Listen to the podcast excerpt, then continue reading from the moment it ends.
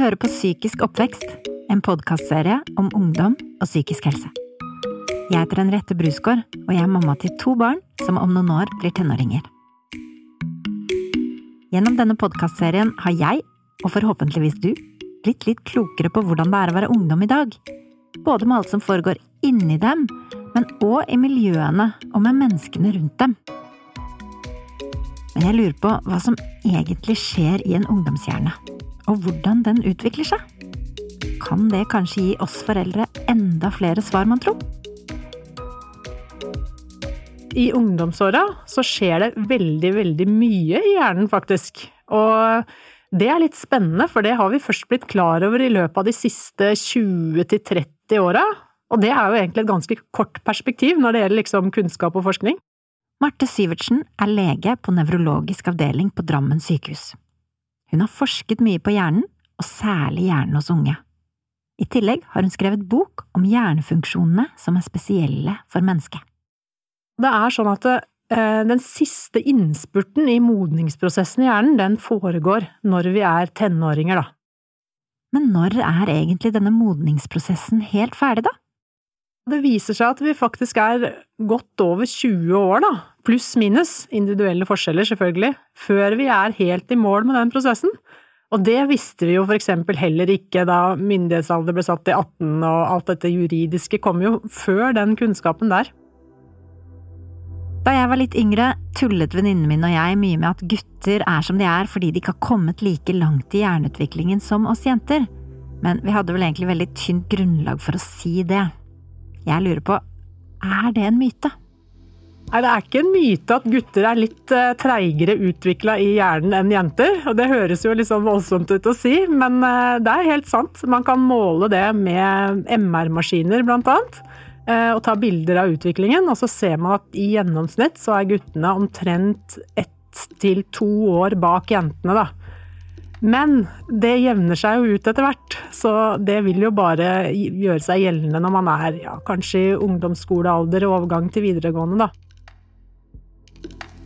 Det må jo være et eller annet med oss mennesker som gjør at vi har den posisjonen vi har på jordkloden, noe som er annerledes fra andre organismer. Kan svaret finnes i hjernen? Den er kanskje litt større, og den har krøllete overflate og sånn, men, men det er ikke det som er forklaringen heller. Fordi både delfiner og elefanter har også store hjerner med stor overflate. Men det er noe med de fremre delene av hjernen vår, da. Det som ligger forrest bak panna. Og det er både litt større i størrelse hos oss mennesker, og så har det bedre forbindelser til resten av hjernen. Så det er veldig mange eh, forbindelser mellom det panneområdet, da, pannelappen, og andre hjerneområder hos oss mennesker. Det er jo helt vilt, egentlig, at vi er så spesielle som den ene arten i den lange, lange historien med evolusjonen. Og, det viser seg at det lønner seg å være smart, da. For når det gjelder styrke, hurtighet og sanser og sånn, så har vi jo ikke så mye å stille opp med mot uh, mange andre dyr. Ifølge Marte er pannelappen på en måte sjefen i hjernen. Den som har det vi kan kalle eksekutive funksjoner, som handler om hvordan vi oppfører oss og er mot andre mennesker. Så det er noen sosiale aspekter her. Og så er det dette her med eh, den fellesbetegnelsen med eksekutive funksjoner, da, som går på planlegging, arbeidsminne, eh, impulskontroll, oppmerksomhet og fokus, alle sånne litt sånn kognitive ting, som vi gjerne kaller det, som til sammen liksom bringer oss nærmere en eller annen plan eller et mål som vi har satt oss, da. Med moderne hjerneforskning kan vi få vite mye om hvordan vi oppfører oss, og om hvorfor vi gjør som vi gjør. Og det at unge tar de valgene de gjør, både gode og dårlige, kan forklares av at sjefen i hjernen, altså pannelappen, ikke er helt på plass ennå. Man kan føle seg voksen og se voksen ut og være eh, kjempeintelligent og flink på alle mulige måter, men eh, de eksekutive funksjonene, de planleggingsfunksjonene og den fremtidsretta tankegangen, den er rett og slett ikke like effektiv hos unge enda, da. Fordi den er, ikke ferdig påkobla resten av nettverkene i hjernen. Og det gjør at for eksempel det å vurdere en risiko, det er rett og slett vanskeligere. Eh, det finnes det forskning på som har vist at eh, når unge mennesker liksom skal motstå en eller annen umiddelbar innskytelse, eh, sammenligna med voksne, så bruker de faktisk større områder av hjernen for å få til det, da. Det er mer slitsomt, rett og slett. Og umiddelbare innskytelser eller fristelser som det kan være vanskelig å si nei til, er det mye av i ungdomstiden. Ett eksempel er rusmidler. Og det er en sånn kjempeleit paradoks, det der, egentlig. For sånn nevrobiologisk, da, så er det mye større sannsynlighet for at unge takker ja til det. Og på den andre siden så er det også unge som tåler det minst, da. Tåler det rett og slett dårligere enn voksne. Og den, eh, det med at de har lettere for å si ja, det handler om at eh, det belønningssenteret i hjernen, eh, som trigges av egentlig alle mulige rusmidler, den, sånn, den rushen eller den gode følelsen, eh, det senteret er mer aktivt hos ungdom. Så de får en større eh, rus, eller en sterkere rusopplevelse, rett og slett. Eh, og så er det dette her med at eh, det veier for mange tyngre, det øyeblikket med godfølelse, veier tyngre enn de langsiktige konsekvensene. Nettopp fordi den langsiktige tankegangen ikke er helt ferdig. Og så er det også eh, mye viktigere dette eh, med sånne sosiale sammenhenger, ikke sant, og det å være sammen, det er kanskje liksom den verdien som trumfer det aller meste i den fasen. Og det er jo helt naturlig for da skal vi søke ut, vi skal finne nye nettverk eh, i den overgangsfasen der, da. Så alt det til sammen gjør at eh, terskelen for å si ja er mye, mye lavere. Og så, samtidig, så er det jo en hjerne som ikke er ferdig utvikla ennå. Og hjernen lar seg jo påvirke veldig mye av miljøet som vi er i, eh, i utviklingen sin. Men hvem skal hjelpe de unge da, når deres egen hjerne motarbeider dem? Der har jo voksne et ansvar da, på en måte, om å være til stede og følge med og gi råd. Litt sånn kunnskapsbaserte råd. fordi at resonnering og intelligens og evne til å lære er jo egentlig på topp hos unge. Så man kan gjerne ta inn masse kunnskap og informasjon. Eh, det skal vi absolutt ikke undervurdere. At eh, man må ha den praten, da, rett og slett. Sånn at eh, når du tar et valg, at du vet hva du velger. Digitaliseringen og skjermenes inntog påvirker de unge i høy grad. Det er jo på en måte en ekstern hjerne, da. Telefonen er nesten en forlengelse av nervesystemet vårt. Vi har kontakter der, og hukommelse og bilder og opplevelser og svar på alt mulig. Men ifølge Marte har ikke dette vært en del av livene våre lenge nok til å kunne gi et klart svar på spørsmålet om hvordan det påvirker hjernen. Det jeg tror er nesten helt overbevist om at har noe å si, det er for fokuset vårt og oppmerksomheten, som tilhører disse eksekutive funksjonene som ikke er helt ferdige ennå hos uh, tenåringer. Og fokus og oppmerksomhet, det gjør at vi klarer å holde interessen eller blikket og oppmerksomheten inn mot én ting over litt tid, da. Lenge nok til at vi liksom får med oss det vi skal. Og ikke minst at vi klarer å stenge ute uvedkommende ting. Og det er nok heller ikke like lett for unge, i hvert fall sånn ifølge lærebøkene og på papiret. Eh, individuelle forskjeller, selvfølgelig, er det alltid.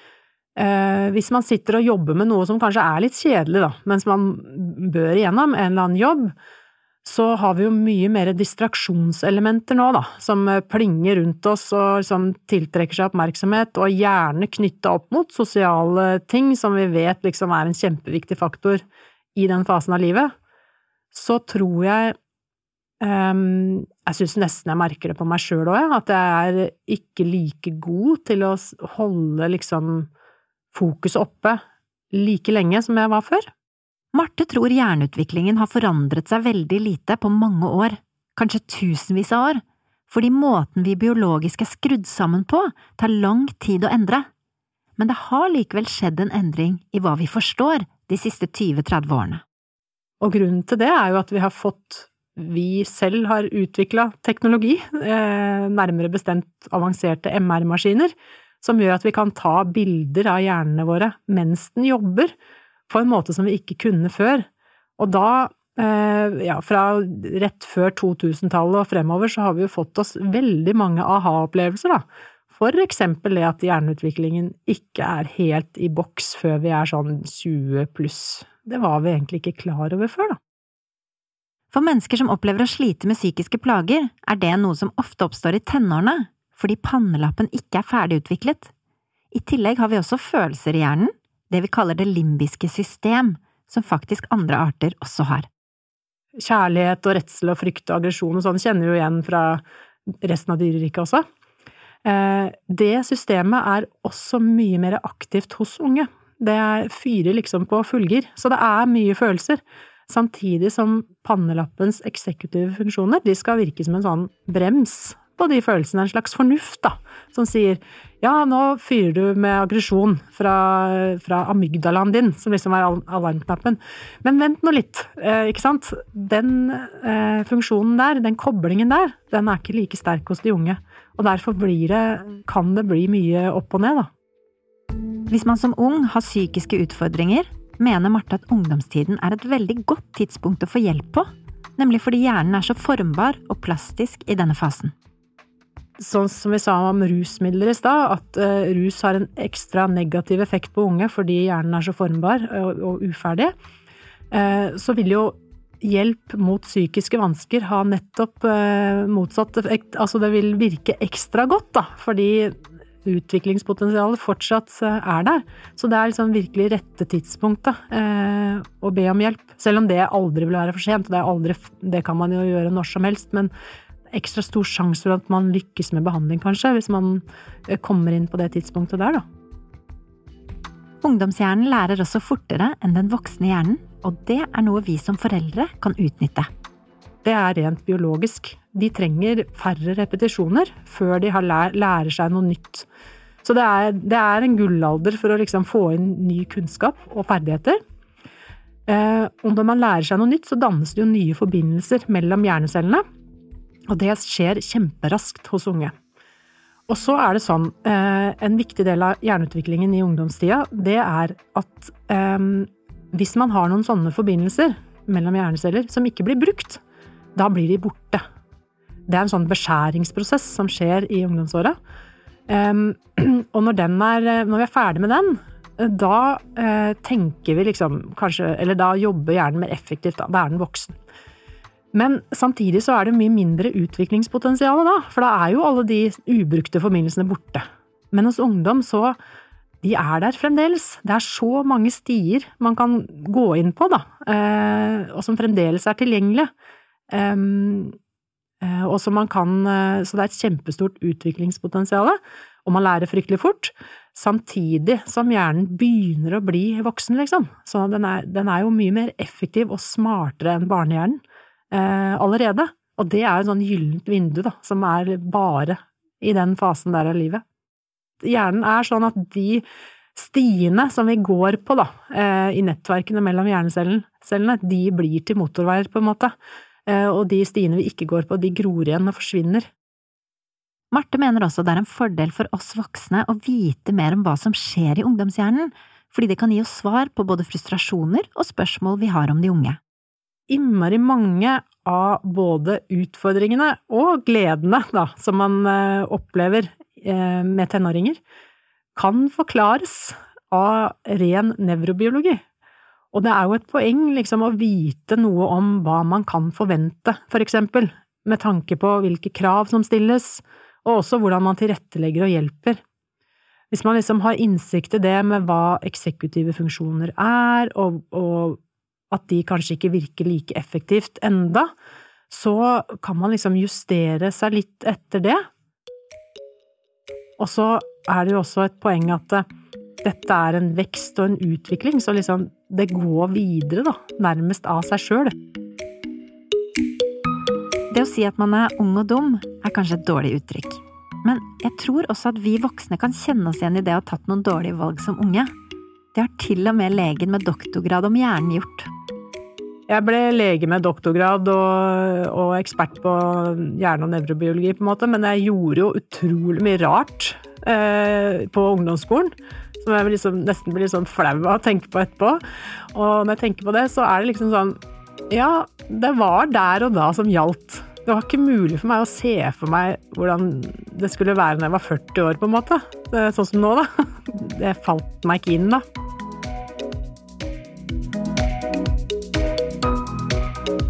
Denne podkasten er produsert av Vrang Produksjon for Rådet for psykisk helse, med støtte fra Stiftelsen DAM.